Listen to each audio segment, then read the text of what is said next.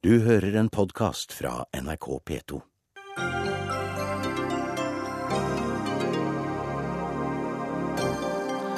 Audun Lysbakken beklager at han ga Sosialistisk Ungdom penger til selvforsvarskurs. En unnskyldning er ikke nok, mener Fremskrittspartiet. Nok en Tour-vinner er dopingdømt. Sykkelsporten har et kjempeproblem. Løsningen er utestengelse på livstid, sier tidligere sponsortopp i DNB. Og Universitetet i Oslo vil kaste ut flere tusen studenter fordi de ikke tar nok eksamener. Skremmende og uakseptabelt, sier studentorganisasjonene.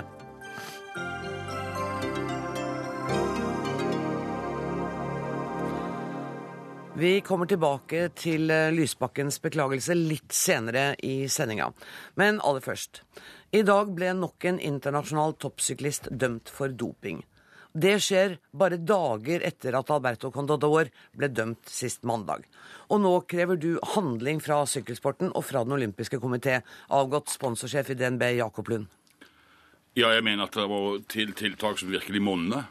Uh, det er jo dop i de fleste særforbund, uh, og, men det virker som at det, spesielt nå når det bare i praksis får et halvt års straff, så er det her ikke noe straff i det hele tatt. Da snakker vi om Contador, ikke sant? Ja, det gjør vi. Og uh, ja, Ulrik har, har, jo lagt opp. Så det er i praksis ikke noe straff. og Det betyr at det må til sterkere virkemidler. Og jeg tror at det eneste som virkelig vil monne her i denne sammenheng, det er at er du tatt for juks, dop, så skal du kutte eller aldri få lov å bli med på noe OL. Noen gang. Noen gang. Men øh, nå har vi vel også hørt øh, IOC-medlem Gerhard Heiberg si at kanskje man bør fjerne sykkelsporten fra OL? Ja, Det syns jeg er unfair. Rett og slett fordi at det er så veldig mange flotte, rene syklister. Du har de Tor Hushovd, du har Boasen Hagen, og du har norske som med, blir det litt urettferdig hvis bare nordmenn skal delta i OL òg, da? Ja, det blir, bra for de norske fargene, men det blir ikke bra for, for idretten. Så jeg tror det er feil å ta ut en hel idrett, fordi at jeg er ikke sikker på om når alt kommer til alt, om sykling er verre enn så mye annet. Men jeg er sikker på at det må sterkere lut til for at folk skal føle at denne sjansen tar jeg ikke. Men er det noe med organisasjonen, også lederen? For jeg tenker på det spanske sykkelforbundet, ja. som frikjente Contador og, og, sa at vi stoler på at han har spist en bedervet biff, og det er det eneste som har skjedd. Ja, og den biffen gikk rett i blodet. Ja, ikke sant? Eh, nei, det altså det, ja, men det har noe med, organis med, organiseringen å gjøre. Jeg uh, har ikke noe særlig tillit til, iallfall ikke sånn som så, uh, Det internasjonale sykkelforbundet drev sin egen etterretning på frem til slutten av 90-tallet. Eh, det virker ikke bra. Og eh, dette her kan jo Mats mer om enn meg. Men poenget er at sanksjoneringen, virkemidlene, er for svake. Altså, Det er liksom ingenting å tape. Og i tillegg så kan Contador ha tjent, tror jeg, rundt 20 millioner kroner i den perioden fra det spanske sykkelforbundet slapp han fri, til i dag. Og jeg tror ikke at han blir krevd for å erstatte de pengene i det hele tatt. Mats Kagestad, du er tidligere proffsyklist og kjenner dette miljøet veldig godt. Er det ikke dopmiljø, da. Nei, nei, nå tenkte jeg på sykkelmiljø. Ja, sykkelmiljø. mm. Er det riktig det at det har skjedd en dramatisk forandring i holdningen til dop fra 90-tallet, hvor den var ganske slapp internasjonalt, og til i dag? Ja, det er helt uh, riktig. Altså, når Festina-skandalen var i 1998 så skjedde det ting, bl.a. at myndighetene kom på banen og fengsla utøvere for svindel og juks og for helsa. Da, at det var en fare mot uh, folkehelsa, dette med doping. og Det er et viktig skritt å ta, og det er først da det virkelig begynner å skje ting. Så har det jo blitt en, skjedd en prosess. Det er bl.a. skifta president i, i Internasjonalt Sykkelforbundet, som jeg mener har hjulpet. Jeg mener at det ble ikke gjort nok da Hein Verbruggen var sjef, som nå er visepresident i IOC for øvrig, bare sånn tilfeldigvis. Ja. Uh, og så uh, er det uh, ikke minst se på holdninger nå med, med, hvordan utøverne snakker til media på. man ser også at farten er i ferd med å gå ned opp fjellene osv. Og, så og ikke minst og Folk blir jo litt irritert på når, man, når, nordmenn snakker om at det er bra at, nordmenn, nei, at det er norske ryttere som vinner, for da er det tegn på at det er reint. Men jeg har jo veldig tiltro til de norske utøverne. At de vinner, det er jo også et pluss i margen, og i hvert fall ikke noe tegn på at det er mer dop. Men øh, er du enig også i at sanksjonene f.eks. mot Cantador er for snille? Han har fått lov å sykle og tjene penger, og i realiteten så får han et, et halvt års utstengelse? Ja, så Det blir ikke noe høylytt diskusjon her mellom meg og Jakob på akkurat det med straffekonta. Altså, jeg mener at han kunne vært straffet hardere, men nå er det noe sånn at han ble frikjent av sitt eget forbund etter at statsministeren i Spania tvitra at han mente han var uskyldig. Og Det var jo dumt, fordi at da anka Internasjonale Sykkelforbundet og eh, WADA dette videre, som da har ført til den straffen. Men det er klart han har konkurrert eh, hele tiden, og det har holdt han i form. Han kan komme tilbake med et halvt år. Så straffen er jo, er jo sånn sett mild, tror mange. Men samtidig, han får en bot på 20 millioner kroner ca. Som tilsvarer de pengene han har tjent opp? Han har nok tjent mye mer. Å, ja. Jakob er veldig forsiktig. Han har tjent mye mer enn 20 millioner. Å, ja. Jeg kan så lite om lønningen ja, i det. Han har tjent vanvittig masse penger, men det er klart 20, en bot på 20 millioner, det svir. Eh, og, og da har utøvere som blir tatt i senere tid, har faktisk måttet betale ganske høye bøter. Og det er viktig, for dette er økonomisk svindel. Jakob Lund mener at, han, at man bør utestenges for livstid. Ja, og det, det jeg er, er tilhenger Det er i hvert fall andre gang, f.eks. At, at utøvere som blir tatt to ganger, at de skal ja, utestenges for livstid. Hvis de blir tatt to ganger, så er de nesten for gamle til å delta på noen olympiske leker. Det her bør virke med en gang. Altså, du, tar du sjansen på å dope deg og jukse og lure de som du er et idiot for, og oppvokst ungdom som du på mange måter skal være en, en, flott representant for. Og de følger med deg, de ser opp til deg, og så skal du gå hen og jukse, tjene masse penger, og så skal du så slippe unna med next to nothing. Det syns jeg blir helt feil, og det gjelder uansett idrett. Det er Langrenn, skiskyting, friidrett. Sykling er bare et eksempel nå som er varmt. Fordi at nå har vi denne aktuelle saken her. Ja, Er det bare derfor, eller har det vært en slappere holdning eh, internasjonalt overfor doping i sykkelmiljøet enn i andre miljøer? Ja, det tror jeg faktisk det har. Men jeg tror, eh, jeg tror som altså at dette er i ferd med å gripe, eh, tas fatt i. Eh, jeg vet det har skjerpa seg veldig, spesielt i en del vinteridretter og i friidrett. Det har jo ikke vært satt en verdensrekord i friidrett på det jeg kan huske nå, de siste 10-12 årene. Det er nettopp fordi at da, uh, apparaturen rundt dette her har vært, har vært uh, strammere. Pluss det som er faren, og den eneste reelle trusselen, tror jeg, det er at sponsorene av alt i verden begynner å ta fatt i dette. Mm. Jeg vil ikke altså Saxo Bank, Det er jo ubegripelig for meg at en bank vil gå med det omdømmet rundt seg og bli assosiert med juks. Mm. Og du driver jo sjøl fortsatt eh, ditt private firma, som bl.a. holder på med sponsing. Ja, det gjør jeg. Ja. Så du har også interesser av det. Men Mats, det, det, betyr at sykkelsporten blir i hvert fall ikke fjernet fra OL? Eh i London? Nei, heldigvis ikke. Og det var det Heiberg gikk ut med i går, og det syns jeg blir fryktelig unyansert. Og mm. da straffer man jo faktisk sporten for å gjøre en masse tiltak som de nå gjør, og det er en foregangsidrett innen antidopingarbeid. Utrolig nok, sier sikkert mange, men de er faktisk det altså på utenom konkurransetesting, blant annet. Jeg inviterte Gerhard Heiberg til å komme hit i dag, men han hadde dessverre ikke anledning. Jeg må si tusen takk for at dere to kom, Jakob Lund og Mats Kavistad.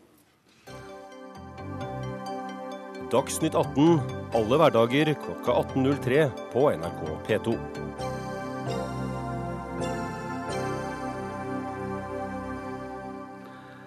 EUs utkast til nye sikkerhetsregler i olje- og gassnæringen har satt sinnene i kok i olje- og gassnæringen. I forrige uke møttes partene i Brussel for å diskutere forslaget. Næringen protesterte, og Fredrik Hauge ble beskyldt for å være kjøpt og betalt av EU. Akkurat den beskyldningen skal vi ikke la være tema i denne debatten. Vi skal diskutere nemlig det som er uenigheten mellom dere. Alfred Norgård, du er direktør for næringspolitikk i Oljeindustriens Landsforening. Hva er det som er så gærent med at EU prøver å skjerpe reglene for helse, miljø og sikkerhet? Ja, hadde EU eh, prøvd å, styrke regelverket, så hadde det vært fint. Men eh, problemet ligger i at EU har ikke tilegna seg den erfaringa og den nærheten til industrien som man ser i de andre medlemsstatene og i Norge. Vi har utvikla et solid eh, regelverk i Norge over de siste 40 årene. Vi har lært, vi lærte mye bl.a. fra Alexander Kielland-ulykka, og har, har utvikla et, et, regelverk i nært samarbeid mellom arbeidsgivere, arbeidstakere og myndigheter. Ja, eh, Men bare la meg få det helt klart, for intensjonene til EU har vel vært Det er mulig at du er uenig i konsekvensene, men intensjonene deres har vel vært at man skulle styrke nettopp sikkerhetsarbeidet? Ja, helt klart. Helt, Ikke sant? Helt klart. Eh, og så har de også, så fremhever de denne Nordsjømodellen som dere arbeider mm. etter, og trepartssystemet, som altså betyr, betyr altså stat, arbeidsgiver og arbeidstaker i samarbeid. Ingenting av det er kommet inn i reglene? Nei, altså, De nevner jo ikke trepartssamarbeidet. Eh, I, i forslaget så er arbeidstakernes medvirkning nevnt én gang. Men eh, derimot nevner de miljøorganisasjoner? Det gjør de. Så, er det det som er den såre punktet for deg? At miljøorganisasjonene ifølge de nye reglene får for stor innflytelse? Jeg tror man også ser på den politiske realiteten her, at Gunther Røttinger, som er kommisjonær, han har uh, utgangspunkt fra De grønne i Tyskland. Og Det er nok et, et, ønske om å gjøre det bedre, men jeg tror litt av problemet her ligger at det er en fjernhet til industrien. Her i Norge har vi utvikla et solid system. Og vi har også en, en god forståelse blant myndigheter. Vi har en åpenhet som også Eh, hjelper oss å utvikle dette bedre. Vi har jo eh, I, i, i møtet i kommisjonen så tok jo eh, Hauge opp, og Jan Panek, som da representerte kommisjonen, nevnte jo da Gullfaks f.eks. Og Når vi tar Gullfaks, så kan ikke jeg se i det forslaget som de har lagt fram, at det er noe som vil gjøre det bedre. Den åpenheten som vi har i Norge, gjør jo at vi får en diskusjon om hva som er galt. En åpenhet fra Når, når går ut, Petroleumstilsynet går ut og sier at eh, ting kan gjøres bedre, når fagforeningen går ut og sier at ting kan gjøres bedre, så er det en del av den åpne prosessen i Norge. I Europa er man ikke vant med en så slik åpen prosess som vi har fått her. Så det du mener, hvis jeg skal si det på mitt enkle språk, er at de har hatt gode intensjoner med disse reglene, men de veit egentlig ikke hva de snakker om, og dette kan ikke?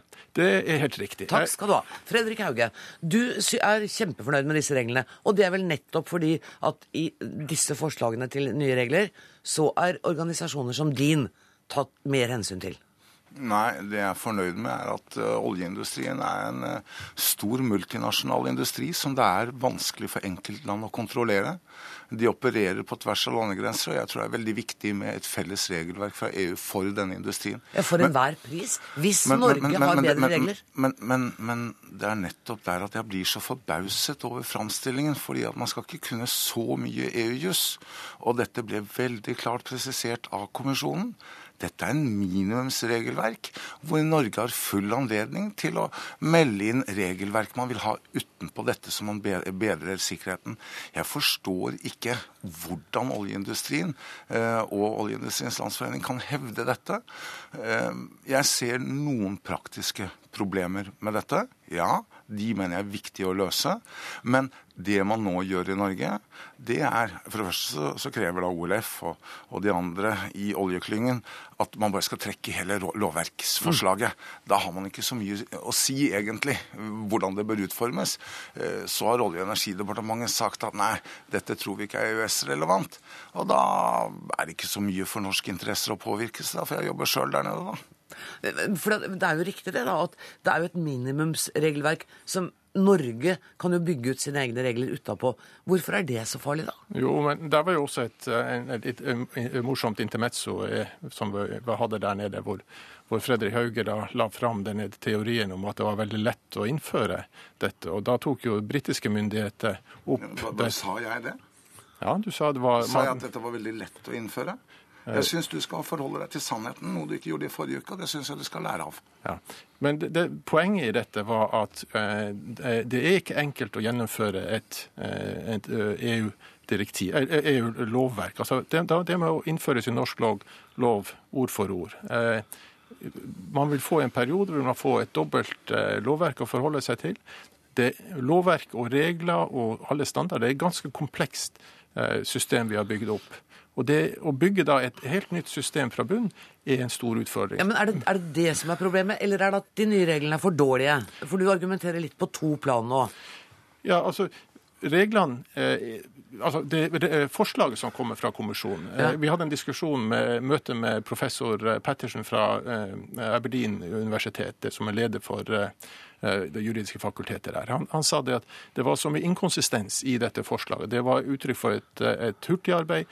Og om en av hans masterstudenter hadde levert dette, så ville det ikke fått en A. og Det var sånn britisk understatement. Så det, det, du, du sier at det er faglig dårlig, og at i tillegg vil det være praktisk vanskelig, ja. Eh, Hauge? Nei, Jeg skal ikke legge meg opp i hvordan oljeindustrien velger å kommunisere sine ting, men med å gå ut og bare kreve at hele regulativet fjernes, så har man jo også frasagt seg muligheten til å forbedre det. Jeg er helt enig. Dette blir en utfordring for våre kontrollmyndigheter å tilpasse lovverket. Vi må styrke Petroleumstilsynet betraktelig. Det bør vi gjøre uansett. Det er en katastrofe hvor lite ressurser de har. Eh, jeg mener også at dette gir oss nettopp i eksempelet Gullfaks en mulighet som er veldig viktig. Du snakker Norgård, om at vi har så åpenhet. Etter min mening så var det som skjedde på Gullfaks, det var notorisk kriminalitet. Det var hemmelighold. Hadde ikke Bellona jobbet døgnet rundt med å få ut informasjon fra arbeidere, så hadde vi aldri hatt fulle avsløringen av Gullfaks. Og det gjorde oljeindustrien, inkludert OLF og ikke minst Statoil, alt for å skjule. Det må du få svare kort på, for dette var en beskyldning om at dere forsøkte å skjule det som skjedde på Gullfaks. Ja, eh, det har ikke jeg noen, noen kommentar til. Okay. Det forstår jeg godt. Du vet hva, Jeg må rett og slett sette strek der med en sterk, nagende følelse av at vi kommer til å møtes igjen og snakke om dette en gang til i løpet av eh, de nærmeste månedene. Takk for at dere kom, Alfred Norgård fra OLF og Fredrik Hauge fra Blona.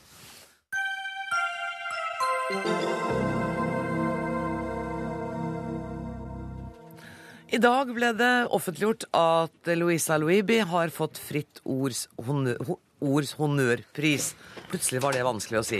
Fritt Ords honnørpris. Prisen får hun for sitt mot i debatten om seksualisert vold mot kvinner, og for aktivt å ha imøtegått ekstreme holdninger som har religiøs og politisk forankring. Hjertelig velkommen hit. Takk for det. Hvordan har denne dagen vært? Den, eh, det har vært en veldig fin dag. Jeg har fått eh, veldig mange gratulasjoner, og ja, det er hyggelig at folk eh, setter pris på at jeg eh, ble utdelt en honnørpris da, fra Fritt Ord. Mm. Ingen hatmeldinger i dag? Ikke som jeg har sett så, så langt. Ingen hatmeldinger. Ikke, ikke, let, ikke let etter dem. Du har altså uh, fått prisen bl.a. fordi du uh, sto fram som offer for en voldtekt. Og tidligere har du tvitret at, og jeg siterer jeg var et offer for en overfallsvoldtekt i 2008, men man kan ikke være et offer hele livet. Men er det ikke vanskelig å bli kvitt dette offerstempelet som andre legger på deg? Det er fordi de som gjør det, de får bare holde på. Eh, ja, jeg har vært et offer i, eh, en kampsak mot voldtekt, men eh, først og fremst så engasjerer jeg meg i den som en Ap-politiker. Og det er det jeg er. Jeg så at statsministeren gratulerte deg på Twitter også.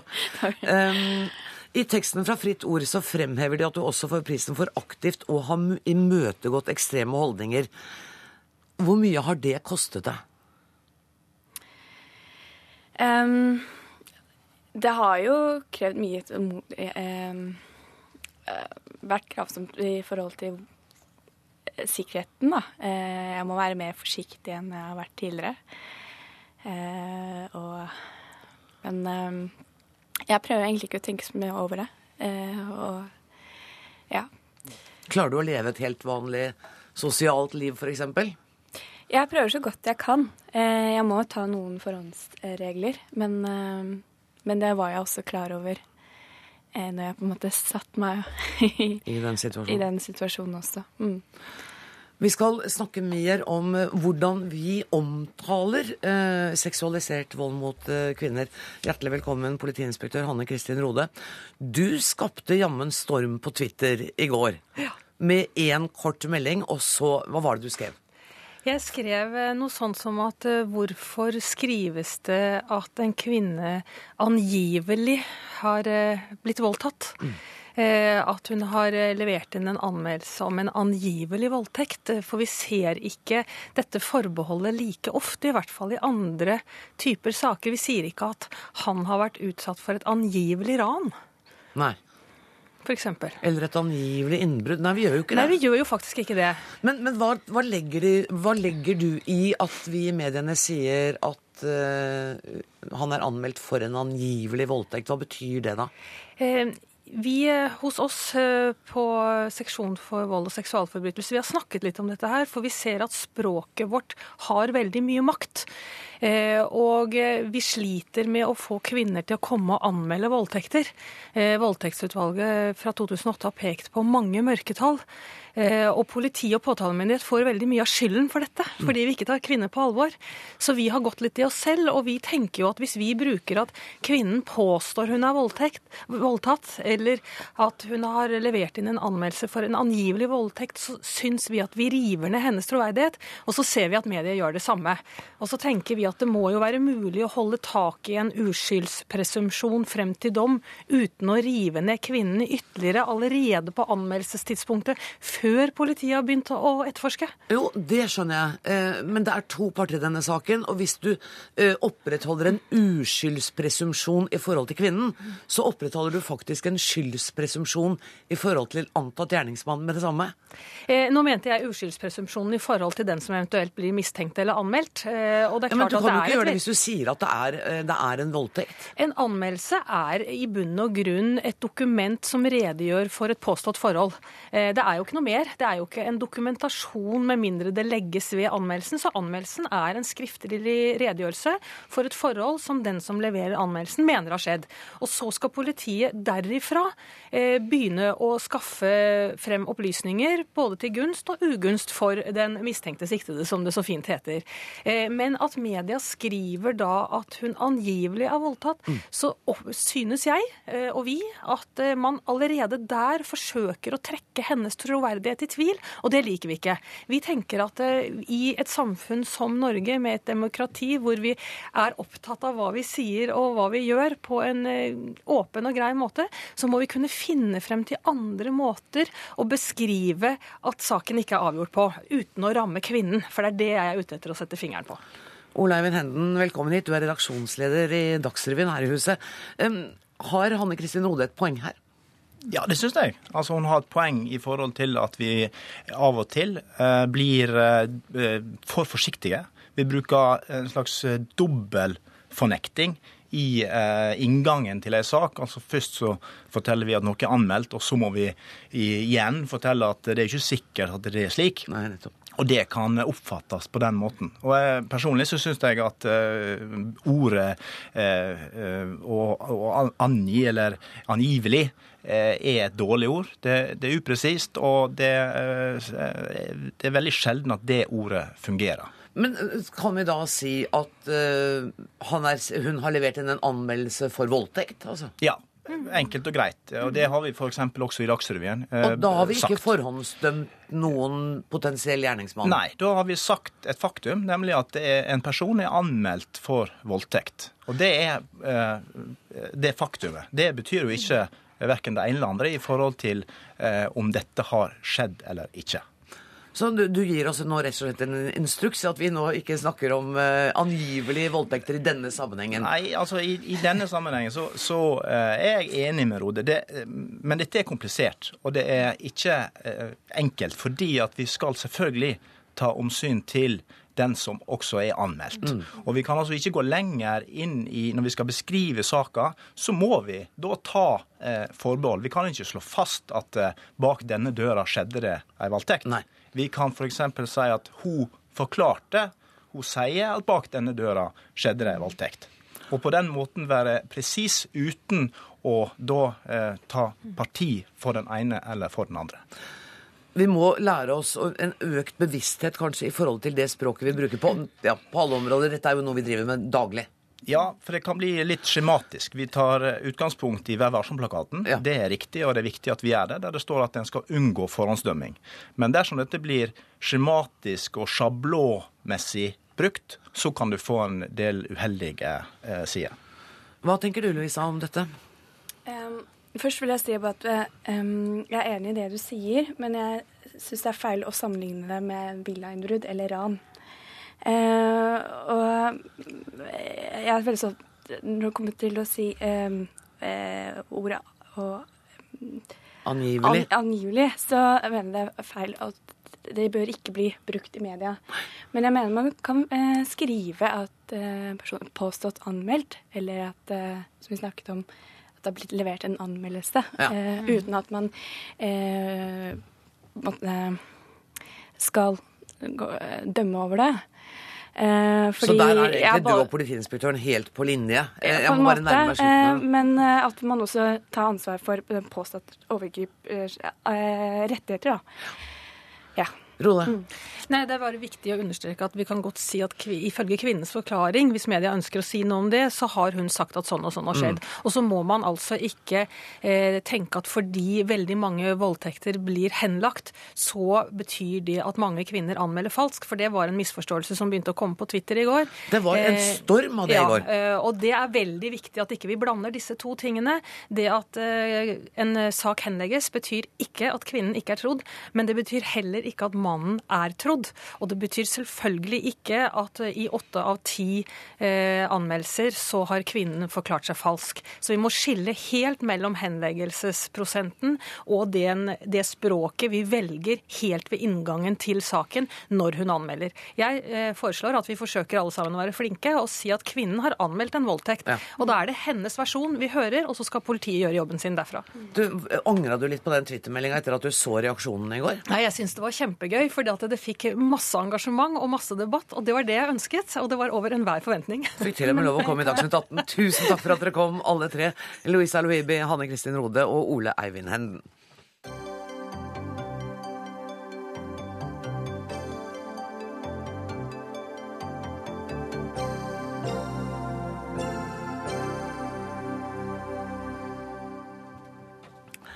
Statsråd Audun Lysbakken beklager nå at hans departement ikke lyste ut midler som gikk til selvforsvarskurs for jenter. Lysbakken har fått kraftig kritikk for at han delte ut en halv million kroner til slike kurs, som bl.a. Sosialistisk Ungdom nøt godt av. Andre potensielle søkere fikk ikke vite i forkant at de kunne be om penger til slike kurs. Og nå i ettermiddag har du altså beklaget håndteringen, eh, statsråd Lysbakken. Hva var det som fikk deg til å gjøre det i, i brevet til eh, kontroll- og konstitusjonskomiteen? Jeg har brukt de siste dagene nå til å gjennomgå eh, vår uh, saksbehandling. Og når jeg har gjort det, så har jeg kommet til at vi på et punkt ikke fulgte regelverket godt nok. Og det skal et departement gjøre. Og da syns jeg det er grunnlag for å si veldig tydelig fra at det syns jeg ikke var bra, og ta sjølkritikk for det. Du er så veldig tydelig, og det er liksom sjelden man ser en statsråd være så uh, tydelig på at man legger seg ned og ber om unnskyldning? Ja, men vet du hva? Det er, ikke, det er, ikke, min stil å late som om vi ikke har gjort feil hvis vi har gjort en feil. Da skal uh, jeg som sjef i departementet ta ansvar for det. Uh, og når jeg gikk gjennom den saken, så mente jeg at det var grunnlag for det. Men la meg understreke da hva det er jeg tar selvkritikk for. Og det at vi ikke lyste ut disse midlene. Fordi pengene i seg sjøl er godt brukt i. De er brukt på tiltak for å fremme grensesetting, stoppe seksuell trakassering og voldtekt blant blant norsk ungdom. Og de som har fått pengene, har brukt det godt, og de er verdige mottakere. Så de har ikke noe ansvar for dette. Det er eh, departementet som eh, dessverre ikke har utlyst det, og dermed har bidratt til at det er stilt unødvendige spørsmål ved bevilgningen. Og dere har altså ikke Dere har brutt reglene, som du, som du sier, og det, og det er det du beklager. Jeg kjenner norsk embetsverk som eh, utrolig solid, eh, dyktig, flinke til både å tolke og følge reglene. Hva var det som gikk feil her, da? Nei, altså I denne saken så har jo selvfølgelig vurderingen i departementet vært at vi var innenfor regelverket. Ellers hadde vi jo aldri gjort det. Men... Var det din vurdering som gjorde at dere var innenfor regelverket? Var det du som tøyde eh, forståelsen av det litt? Nei, det har aldri vært noe spørsmål om at vi kunne være utenfor regelverket. Da hadde vi selvfølgelig ikke gjort dette. Så det er den gjennomgangen vi har fått nå, som gjør at vi har sett dette i et litt annet lys. Og det er jo ikke minst fordi det har vist seg gjennom media at én organisasjon eh, sier at de kunne tenkt seg å søke om dette, og ikke var klar over det. Vi mente i fjor at vi hadde god nok oversikt over hvem som kunne være aktuelle. Da åpner regelverket for at du kan eh, eh, gi tilskudd uten utlysning. Men eh, i etterpåklokskapens klare lys så mener jeg at vi skulle ha utlyst det. Eh, og når jeg mener det, så er det heller ingen vei utenom å si at jeg eh, ikke kan, kan se at vi har fulgt regelverket. Solveig Horne, du er første nestleder i familie-, kultur- og administrasjonskomiteen for Fremskrittspartiet. Eh, dere mener at saken fortsatt er alvorlig. Hvorfor det, når dere hører en så tydelig beklagelse fra statsråden? Det er en veldig viktig, eller veldig alvorlig sak. Og ikke minst er den alvorlig, alvorlig når vi vet det at statssekretæren til, til Lysbakken, som også kommer fra SV, har i denne prosessen her sagt så klart at de har vært innenfor regelverket. Og en erfaren eh, politiker eller statsråd som, eh, som, Lysbakken er, burde visst at når det gjelder tildeling, og når han da så at dette her gikk til eh, organisasjoner i sin eget partiorganisasjon, så burde det ha lyst noen varsellamper, at du, da er du forsiktig. Han har altså altså brutt sitt, det, det departementet sine interne, eller det økonomireglementet, og det er alvorlig. Han har brutt det på ett punkt, altså at det ikke var utlysning i forkant. Pengene er godt brukt, det er ikke snakk om korrupsjon. Hvorfor vil dere da gå videre med saken? Det er fordi at Når statssekretæren har sagt at dette er normal prosedyre, så bør du begynne å lure på om det, hva er da normalt. Og Når det viser seg at det er brutt interne regler, så mener jeg at kontrollkomiteen er nødt til å se nøyere på om at det er brutt, brutt andre lover òg i departementet. Du har sagt at, eller Dere har eh, sagt, så jeg i en nettavis i dag, at SU-politikere har brukt Lysbakkens departement som sin private lommebok. Ja, altså Når Lysbakken så at det var sine egne organisasjoner som fikk disse pengene, som jeg sa før, så burde det lyst noen varsellamper. Altså, skattebetalerne sin penger så skal vi være varsomme med. Og Her er det ikke en diskusjon om, eh, om at det ikke er et godt formål, men det er så viktig å ha interne, gode økonomiske regelverk, og det må òg Lysbakken lære seg å følge. Statssekretæren din sa at dette var normal prosedyre. Ja, la, la, meg først understreke at disse pengene har ikke gått til Sosialistisk Ungdom. De har gått til Jenteforsvaret, som er en organisasjon som gjør godt arbeid.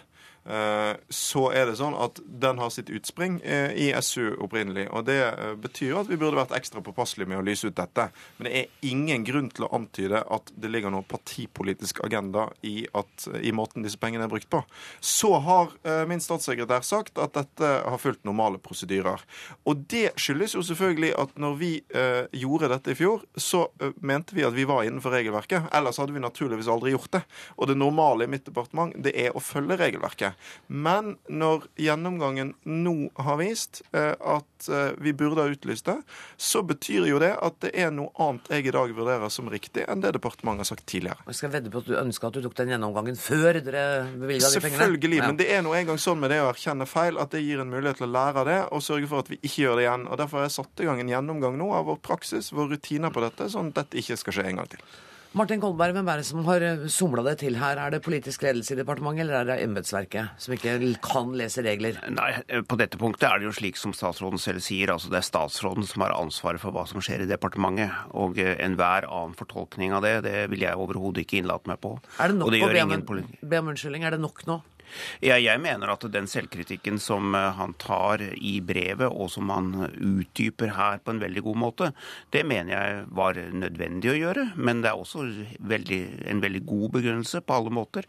Og jeg kan ikke forstå at Fremskrittspartiet har noe behov for å gå videre her. De har fått svar på alle sine spørsmål, som for øvrig hele komiteen sendte. Det var ikke bare Fremskrittspartiet eller opposisjonen. Ja, men jeg bare sier ja, det her. Jeg registrerer også at, at uh, Helga Langeland har sagt i en uttalelse i dag at han ønsker Statskog og også se nærmere på saken. Så det gjenstår å se.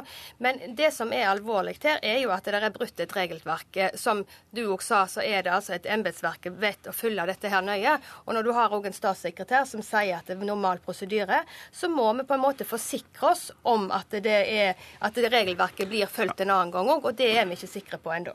Nå, nå, aksepterte jeg denne avbrytelsen, men jeg vil bare, jeg ja, vil bare si at uh, Statsråden sier her helt tydelig, i brevet og i vår samtale, at regelverket er brutt. Det tar han tydelig selvkritikk på. Og sier at han har satt i gang en ny gjennomgang i departementet for at dette ikke skal gjenta seg. Da mener jeg at vi har fått det svaret vi behøver i denne situasjonen. Fordi det er ikke noe grunn til å tro, som statsråden sier, at pengene er brukt feil. Eh, galt. Det er det ikke. Det har vært nyttig brukt. Og eh, det er klart at når man tar en ny gjennomgang, eh, så har vi muligheten til å kunne se på det. Vi får høre med statsråden hva det gjelder. Men at dette skal bli en ny sak i kontrollkomiteen etter et brev hvor statsråden er så tydelig, det er i tilfelle ikke noen annen årsak enn at man ønsker å drive partipolitisk spill på det. Og det hender jo at man ønsker i de kretser hvor alle dere vanker. Tror du at Ville du vært like tydelig hvis det var du som hadde sittet i opposisjon til en regjering på dette? Eller ville du også sagt at ok, la oss få dette grundig gjennomgått i komiteen, og la oss åpne en gransking? Nei, jeg ville vært like tydelig. Jeg ville sagt det jeg nå sier. Det er jeg helt sikker på. Hvor bekymret er du for en gransking, Lysbakken? En eventuell gransking, må jeg si. Jeg svarer jo selvfølgelig på alle spørsmål som Stortinget stiller. Men jeg er jo ikke noe bekymret for det, for jeg mener vi har gode svar. Jeg har svart nå ærlig og grundig på alt det jeg kan se relevante spørsmål i denne saken. Eh, det har vært to problemstillinger oppe. Eh, ja, For det første, er det noe galt med måten vi har brukt disse pengene på? Eh, mitt svar på det er nei. Jeg står fullt inne for at vi bruker penger på å bekjempe seksuell trakassering. For det andre, burde midlene vært utlyst? Mitt svar på det er ja. Og derfor så tar jeg sjølkritikk på at vi ikke gjorde det. Tirsdag er det møte i kontroll- og konstitusjonskomiteen, og da vil det vel kanskje da bli tatt en avgjørelse hvorvidt dere går videre med saken? Ja, det vil skje på tirsdag, og Fremskrittspartiet vil likevel ikke eh, ta oss og utelukke at det vil bli åpna sak, og, og, og, se videre på saken. Og Det er flere organisasjoner der ute som òg kunne vært berettiget fått disse pengene, som gjør en god jobb for å bekjempe voldtekt og trakassering, som ikke har fått anledning til å søke på denne, disse midlene. Da venter vi i spenning på utfallet, utfallet av møtet i kontroll- og konstitusjonskomiteen på tirsdag. Takk for at dere kom.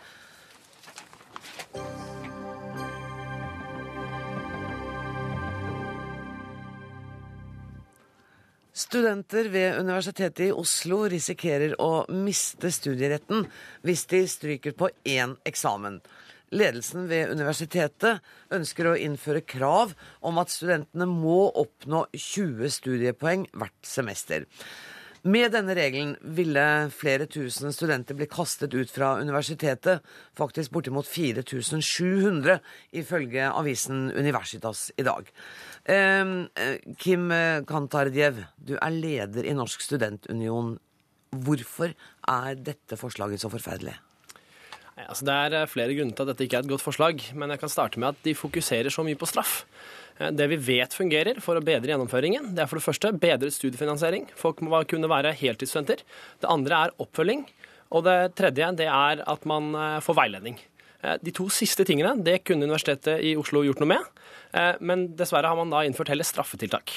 Men er det det med manglende oppfølging og veiledning som er grunnen til at en stor gruppe studenter, altså over 4000, ikke klarer å oppnå 20 studiepoeng eh, hvert semester? Ja, Undersøkelsene fra Universitetet i Oslo viser jo akkurat det. Det er, eh, det er faglig sosial tilhørighet som er den største grunnen til at folk faller fra. Og da er det det man må fokusere på. Og det med studiefinansieringen, hva tenker du da? Er det studielån, eller er det stipendordninger? Ja, I utgangspunktet burde både stipend og lån, eh, lån, eh, bedres. Eh, det kan ikke rektoren her gjøre noe med, selvfølgelig, men det kan Kunnskapsdepartementet. Men sier du da at grunnen til at så mange ikke klarer å oppfylle kravet om 20 studiepoeng, er at de må forsørge seg sjøl og bare kan studere deltid? Det er en del av grunnen. Og så handler det også om at man må få den oppfølgingen som man trenger på studiestedet. Eh, det betyr at f.eks. ha kontakt med faglig personale, det er viktig. Eh, og hvis man, eh, hvis man sliter med studier, og det kan skje alle, hvis man sliter med studier, så må man få oppfølging og veiledning. Men er det litt sånn å, å bli holdt i øra du vil? Nei, jeg vil ikke at vi skal bli holdt i øra. Studenter de er gode på å ta ansvar. Men noen ganger så skjer det ting som gjør at man kanskje ikke klarer å følge like godt med i undervisningen. Og da er det grunn til å hente de inn, ikke kaste dem ut. Rektor ved Universitetet i Oslo, Ole Petter Ottersen. Ikke kaste dem ut. Ikke straff, men oppmuntring. Ja, det var en grusom eh, salve innledningsvis, må jeg si. Ja. Så eh, jeg kan vel kanskje prøve å bringe saken eh, litt ned til jorda. Ja, Bare så lenge jeg skjønner den også, så er det fint. Og det skal du Takk. få skjønne ganske raskt. For det første så er det jo selvsagt ikke snakk om noe straff her. Det er snakk om forventninger. Og for det andre, det er ikke snakk om å kaste ut 4700 studenter. Det er ikke snakk om å kaste ut noen etter at man har strøket på en eksamen. Det som er kjernepunktet i det som vi driver med nå, det er faktisk akkurat det som Kim er inne på, å prøve å få studentene igjennom og få en bedre oppfølging av studentene. Det utløser forventninger i begge retninger. Studentene har forventninger til oss når det gjelder oppfølging og studiekvalitet. Og da må vi også ha lov til å ha forventninger til studentene når det gjelder studieprogresjon. Og nå skal jeg prøve å forklare hva det dreier seg om. Ja, fort. Fordi når en, og vi snakker, jo, vi snakker jo her om heltidsstudenten. Når en heltids, heltidsstudent går inn på Universitetet i Oslo, så er det jo da poenget, en slags sosial kontrakt kan vi kalle det, at studenten skal gjennomføre et fem års studium på tilnærmet fem år. I dag har vi regler som gjør at studenten kan bruke ti år på et femårsstudium. Det det dreier seg om her nå, er at vi øker forventningene og sier at kanskje bør vi ha som forventning at en student som går inn på et femårsstudium, skal fullføre innenfor syv og et halvt år. Mm. Det er det denne saken dreier seg om. Høres ikke urimelig ut, det, altså. Et Ja. femårsstudium på sju og et halvt år. Ja, og jeg skulle gjerne diskutert det. Problemet er at det er ikke det forslaget sier. Eh, Det forslaget sier, er at dette går på per semester. Det betyr at du risikerer å være et halvt år for sent ute. Og så, blir du, så mister du studieretten. Eh, Er det, sånn det la oss bare oppklare det. Har han misforstått, eller er det sånn? Ja, jeg tror eh, han har misforstått. Okay. Fordi at eh, det er jo ingen, eh, ingen rimelig løsning på noe som helst. At man skal miste studieretten etter å ha feilet ved én eksamen. Så det er jo ikke målet med dette. Målet er er å få flere studenter gjennom. utrolig flere glad for at dere kom hit og kunne snakke sammen og oppklare, siden dere ikke har klart det på egen Ja. hånd. For hvis dette er riktig, så er vel du enig at sju og et halvt år er kanskje ikke en urimelig kravsgrense for et studium som skal ta fem? Det kan godt være at det ikke er urimelig, men hvis jeg nå skal sitere forslaget, så er det to tredjedeler av progresjonen i et semester. Det vil si at det refererer ikke til noe hel grad, ikke mastergrad, ikke bachelorgrad. Det refererer til semesteret.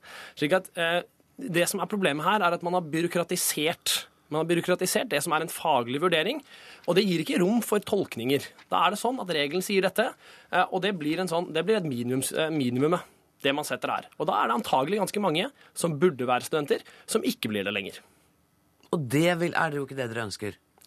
Som sagt, Utgangspunktet for det hele er jo å prøve å hjelpe flest eh, mulig studenter igjennom. Ja, ja. Og, eh, så det er utgangspunktet. Og så vil jeg bare si her og nå veldig klart at vi erkjenner jo at det er mange studenter som har spesielle behov, og som må få tilrettelagt studiene på en god måte, og det blir det ingen endring på. Og ingen av de 4700 behøver å føle seg truet eh, av at de nå snart blir sparka ut fra Universitetet i Oslo.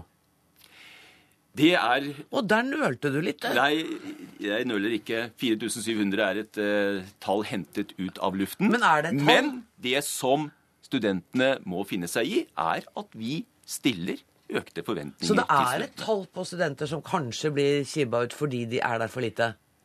Det er det veldig vanskelig å vurdere hvor mange som eventuelt må gå ut. Og fordi økte forventninger gjør også da at man kanskje studerer enda litt mer Nå intenst. føler jeg at vi er litt på glid. For du innrømmer jo da at det vil være noen som måtte gå ut fordi de ikke klarer å oppfylle den forventede resultatlista.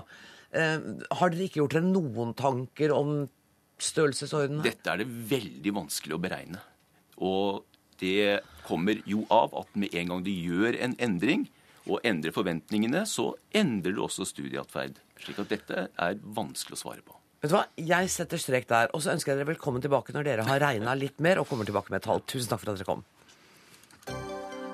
Hør Dagsnytt 18 når du vil, på nettradio eller som podkast. nrk.no – dagsnytt 18.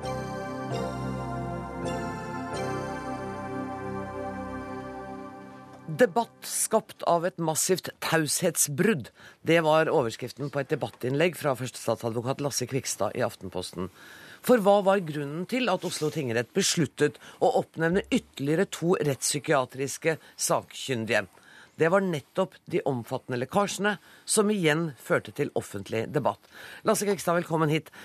Er det ikke et demokratisk sunnhetstegn at domstolene er lydhøre for hva som rører seg i befolkningen? Eh, Tilsynelatende høres jo det veldig besnærende ut. Jeg var litt fornøyd med formuleringen òg. du? Ja, det høres besnærende ut. Men man kan like gjerne også bruke et annet bilde, nemlig at bruke uttrykket folkedomstol. Det er eh, en grunnprinsipp i, i vår, vårt rettssystem, og i de fleste land, tror jeg, at domstolene skal være uavhengige og bare bygge på det som fremkommer i en rettssal. Det er liksom vårt ideal. Og det er et problem for vårt rettssystem, egentlig, at, eh, at eh, så mye debatt og mye taushetsbelagt informasjon kommer ut. Min innfallsvinkel til dette var jo først og fremst når det gjaldt pressen, at det burde reise visse etiske problemer for journalister og redaktører. At de kommer over materiale som er kommet dem i hende ved et massivt lovbrudd fra noen, og jeg vet ikke hvem. Bruker, kan gjerne bruke bildet at de fleste mennesker som f.eks. får gjenstander dem, kommer, de får ting i hende som de vet er stjålet, så vil de fleste kvie seg litt for å bruke det som, eh, som sitt eget. Eller enda tjene penger på det. Og det er den etiske dimensjonen som, som jeg syns er veldig fraværende. Akkurat den delen har vi diskutert i dette studioet tidligere, og uh, lederen i Advokatforeningen uh, drøftet vel også tanken for at man kunne straffeforfølge uh, denne type lovbrudd i større grad enn man gjør nå. Men gjennom journalistenes arbeid så har vi jo altså fått tilgang til den første psykiatriske rapporten. Riktignok ikke hele, men store deler av den. Det har ført til at fagfolk har uttalt seg om den. Er ikke det bra, da? Selvsagt er det greit med debatt, men man skal huske på at det vi venter på her, er en rettssak. Og den rettssaken skal i sine avgjørelser bygge på det som kommer fram i retten. Når man henviser til den offentlige debatt eller alminnelig rettsoppfatning eller slike vage, luftige begreper, så blir det ofte en tilsløring av dommerens egne meninger og oppfatninger. Og det er veldig vanskelig å forholde seg til. Hilde Haugseid, du er redaktør i Aftenposten. Du har vært i dette studioet og diskutert noen av de samme problemene tidligere. Er dere, dere det ansvaret veldig bevisst når dere får denne type lekkasjer i hendene? At dere er med på å forandre en rettsprosess? Jeg er ikke med på det premisset. Eh, jeg har faktisk så stor tillit til vårt rettssystem og til norske dommerstanden at alle de inntrykk de har fått på forhånd, eh, ikke bare gjennom mediedekning i form av lekkasjer, men eh, annen informasjon, så har de et bakteppe av egne erfaringer og egne tanker. Men når de går inn og setter seg og påtar seg det oppdraget de har i rettssalen, da er det det som foregår i retten som ligger til grunn. Ja, Men samtidig så var det vel slik, så vidt jeg husker, og korriger meg hvis jeg tar feil, at Oslo tingrett brukte som begrunnelse for å oppnevne to nye sakkyndige nettopp den offentlige debatten? Det er mulig at de brukte den formuleringen, men i tilfelle så var det jo ikke at det hadde blitt en debatt i seg selv, men ting som hadde kommet fram i den debatten. Fordi det, det, den debatten eh, avdekket, det var jo at det er stor usikkerhet og stor strid og stor faglig uenighet om eh, psykose som juridisk begrep som eh, de rettssakkyndige i Norge i dag eh, baserer sine uttalelser på. Sånn at denne saken her, den, det var som om lokket gikk av trykkokeren. Det var sikkert en debatt vi hadde fått før eller seinere, men den kom altså i forbindelse med denne store og, veldig alvorlige saken. Og da tenker jeg, da må det jo bare være en fordel at retten har fått, kommer til å få antageligvis, et bredere grunnlag fra sakkyndig til å trekke treffe sin beslutning på. Et bedre grunnlag, Kvikstad? Det er litt vanskelig å svare eksakt på. Eh, fordi at igjen da det er utvetydig fastslått i vår lovgivning at dommerne kun skal bygge på det som fremkommer i retten. Og eh, vi regner jo liksom, eh, vi som jobber med i systemet, vi regner det som egentlig uetisk f.eks. å drive og forhåndsprosedere gjennom mediet. Det men det gjøres jo ofte? Det gjøres ofte, men jeg tror de fleste som har et bevisst forhold til dette, ser på dette som uheldig. Vi, vi, og, og, pressens kritiske rolle og sånn, den har jeg full forståelse for. Men i denne sammenheng så bør vi altså avvente rettssaken, og så kan pressen komme inn med all sin makt og velde. Jeg tror kanskje jeg ikke var klar nok, eller du misforsto meg litt. For jeg mente ikke at innholdet i den debatten skaper et bredere grunnlag for rettens eh, standpunkt når de skal avgjøre om han var psykotisk eller ikke. Men det at debatten førte til at det ble oppnevnt et nytt par sakkyndige, som gjør at antageligvis retten vil få eh, flere sakkyndige uttalelser og flere, et bredere grunnlag fra de sakkyndige til å vurdere eh, hans sinnstilstand. Har du da ingen sans for Kvikstads eh, frykt for folkedomstolen? Eh, nei, som sagt. Altså rettens, alle rettens aktører er jo påvirket av det som foregår utenfor. Av, og av sine egne holdninger og av sine egne politiske standpunkter. Ikke, de opererer jo ikke en glassklokke. Men jeg tror ikke at mediedebatten de siste ukene før denne rettssaken er det som vil være avgjørende for hva slags kjennelse retten kommer til. Jeg vil særlig fokusere på eh, en dimensjon av dette som pressen ofte glemmer, og det er at disse taushetsreglene som særlig er knyttet til rettspsykiatriske erklæringer, de er ikke, er ikke der for moro skyld. De er der først og fremst for å ivareta personvernet til de som er berørt. Og det er en dimensjon som gjelder uansett om saken er aldri så alvorlig. Mye av dette vil komme fram senere i rettssaken. Men det er jo flere, og det er også fremholdt fra politiet, at når det gjelder f.eks. politiforklaringer, så er folk blitt veldig forbeholdne med å forklare seg. Nettopp fordi at de er redd for å komme i avisen. Folk forklarer seg fordi de først og fremst føler et samfunnsansvar. Det er derfor de går til politiet, og det er derfor de eventuelt er villige til å komme i retten. Og jeg syns denne personverndimensjonen er veldig lett å glemme i denne opphissede situasjonen som vi jo har i forkant av denne rettssaken. Ja, men Der følger jeg deg, og det har vi diskutert mye i vår redaksjon. Og det har ganske sikkert andre redaksjoner gjort òg. Og vi har prøvd så godt vi kan å avveie mot personvernhensyn. Og det er veldig mye informasjon som vi har om ofrene på Utøya som vi ikke har brukt. Så det brukes et skjønn der i hva man offentliggjør, Kristian? Der har jeg en del reservasjoner. Altså, det er redaksjonene som skal gjøre dette skjønnet. Jeg vil stille spørsmålet direkte, som et hypotetisk spørsmål forhåpentligvis, at hvis Hilde Haugskjær ble utsatt for et overfall, og forklarer seg om dette til politiet, hun legger ut og forklarer seg om personlige forhold og ettervirkning av det som har skjedd osv., hvor komfortabel vil du føle deg ved at dine forklaringer lå i avisredaksjonene rundt omkring? Eh, Nei, det... Selv om det ikke ble brukt, mener jeg. Det kan godt hende jeg ikke ville følt meg så veldig komfortabel med det, men her er det jo en sak som ikke bare angår ett enkeltmenneske som er blitt overfalt. Det er en sak som angår Det var et angrep på Norge. Mm. Det er eh, mange hundre fornærmede. sånn at det er jo en annen karakter over denne saken. Jeg er nødt til å sette strek der og si tusen takk for at dere kom. Førstestatsadvokat Lasse Kvikstad og sjefredaktør i Aftenposten Hilde Haugsgjerd.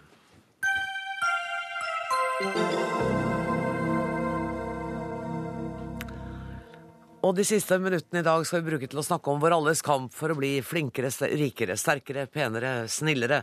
Alt bunner i at vi alle har et mer eller mindre godt utviklet konkurranseinstinkt, og at vi alle løper så fort vi klarer på alle mulige imaginære tredemøller og kommer oss nærmere ikke av flekken. Ja. Thomas Hylland Eriksen, er det en, syns du, en nokså presis oppsummering av uh, boka 'På stedet løp'? Det er en uh, god begynnelse. Dere skriver i forordet at det faktisk er du og Dag Hessen, det må jeg si, for boka heter altså På stedet løp eh, konkurransens paradokser. Mm. Så skriver de i forordet at det er vanskeligere å finne fram til de områdene av livet der vi ikke konkurrerer, enn der vi gjør det. Ja. Og bare den setningen overrasket meg. Ja, og det, det, var nok litt med vilje at vi hadde den formuleringen. Nettopp fordi vi håpet at du og mange andre ville bli overrasket og, og bli huketak og fikk lyst til å lese videre. Fordi konkurranse er jo i deler av samfunnet et negativt ladet ord, fordi det produserer tapere, og det handler om egoisme og spisse albuer, og egenskaper som det gode, det gode, mennesket helst ikke vil bli assosiert med. Men det er et faktum at eh, hadde det ikke vært for konkurransen, så hadde vi fremdeles vært på amøbestadiet. Og vet du hva, jeg syns jo, og det bekrefter jo dere i boka også, at det er, det er veldig maskulint og flott å si at jeg har et kraftig konkurranseinstinkt. Da er man litt sånn vinner òg. Ja, Det er ikke bare maskulint. Altså, alle konkurrerer, nei, jeg tror nok at vi alle konkurrerer på våre arenaer. Men husk på at vi har skrevet denne boken sammen. Eh, samarbeid. Eh, altså, og vi mener at den er bedre enn om vi hadde skrevet hver vår bok separat. Sånn at av og til så gjør samarbeid at man eh, kommer lenger. Men på den annen side, som vi også beskriver i boken, kanskje samarbeid også bare kan betraktes som konkurranse på et høyere nivå. Fordi man subtilt, samarbeider, ja. ja. man samarbeider, gruppesamarbeid ikke sant, mot andre grupper osv. Men eh, vi skal, ikke, vi skal ikke hefte oss altfor mye ved det. Det er klart det er mye som ikke er konkurranse, men konkurransen er likevel enormt viktig. Og, og vi tenker ikke nok på denne merkelige siden ved konkurranse som vi beskriver. Altså det at eh, du må hele tiden være i bevegelse, du må hele tiden utvikle deg for å bli stående nøyaktig samme sted. Altså Hvorfor må trærne i skogen være 30 meter høye? Hvorfor kunne det ikke bare være 2-3 meter? ikke sant? Jo, det er fordi trærne ved siden er på 28 meter. Og for å få nok lys til å produsere kongler og få næring ned i røttene, så må du strekke deg til 30 meter. Og slik, Det, det, syns jeg er en god metafor på livet. Og det går jo, og det omfatter virkelig alle sider av livet. Dere behandler nesten alle sider av, av livet Ja, i denne boka. da. Eh, og jeg tenker om meg sjøl at jeg har da neimen ikke et eneste konkurranseinstinkt etter det der, så jo da, jeg, ok, jeg har det. Ja, og eh, vi, må, vi kan bare ta noen veldig brokker. Mm. Dere skriver, syns jeg, utrolig morsomt om eh, menn som debatterer, Mm. eh, og som eh, kjemper for å vinne en debatt. Mm. Og så sammenligner dere det litt med Ja, med påfuglhaler f.eks. Altså, du har jo påfuglen, Hannpåfuglen har jo en gigantisk og flott hale, og den er evolusjonært dyr. ikke sant? Det er ekstremt dyrt å ha en sånn hale. Hvorfor kunne de ikke heller ha utviklet noen flotte vinger, så den kunne rømt fra rovdyr i stedet for å bli spist? Jo, det er for å skaffe seg damer, ikke sant? Og den, med den flotte halen får flest damer. Og vår kultur har veldig mye felles med påfuglhaler, altså. Altså, Tenk på festene til Petter Stordalen, ikke sant? Altså, alle disse viderverdighetene som folk eh, begir seg ut på bare for å bli sett og beundret og anerkjent. Altså, Mye av dette har jo et litt komisk skjær, akkurat som påfuglhalen. Men det betyr ikke at det blir noe mindre av det, fordi vi er jo glad i påfyllhaller. Men vi er jo litt alvorlige også. Og vi mener at konkurransen har to veldig alvorlige bivirkninger som gjør at vi må prøve å kontrollere den og styre den. Og Det ene har å gjøre med miljøødeleggelser, veldig åpenbart. Eh, Og det andre har å gjøre med de menneskelige omkostningene. Altså Snakker man om vinnerkultur, så sier man jo like mye taperkultur. En vinnerkultur produserer jo like mange tapere. Og Det er derfor vi har politikk. Og det er derfor som eh, både Dag Hesten og jeg er opptatt av at markedet ikke er nok. Altså I markedet får du bare konkurranse. Men markedet kan ikke brukes til å styre et helt samfunn. Man må ha noen verdier også. Og, og der skriver dere jo interessant, syns jeg, om, om denne vår higen, denne rastløsheten etter nyvinninger. Den nyeste telefonen, den nyeste iPhonen. Vi venter. eh, Vi får en rastløshet i oss. Og der mm. sier dere noe ganske fint om at kanskje livsnyteren har noe for seg innimellom? Ja, den som har hoppet av, eh, som, altså hedonisten, som mener at 'winning is for losers'. Ikke sant? Det er, det, er, det, er, det er en ganske tankevekkende formulering. Ganske deilig. Men kanskje man kan konkurrere i latskap også. Jeg tror det, det er der mitt konkurranse- konkurranseinstinkt slår inn. Ja, du vet Det fins jo verdensmesterskap i piperøking. vet du. Altså Den som røyker langsomst, vinner. Altså Den, den, den lateste og mest bedagelige og dovneste vinner. Dette har vi også sett eksempler på. Jeg tenker på kantina da jeg studerte, hvor, hvor man skulle overgå hverandre i å være late studenter, og så gjøre det godt til eksamen etterpå. Ja, for da er man virkelig suveren. Eh, jeg ser ikke for meg deg konkurrere noe som går langsomt. Tusen takk for at du kom, Thomas Hylland Eriksen. Eh, dermed er Dagsnytt 18 slutt. Ansvarlig for sendinga var Karoline Rugeldal. Det tekniske ansvaret har Erik Sandbråten. Jeg heter Anne Grosvold. I morgen sitter Sverre Tom Radøy på denne siden av mikrofonen. Takk for nå.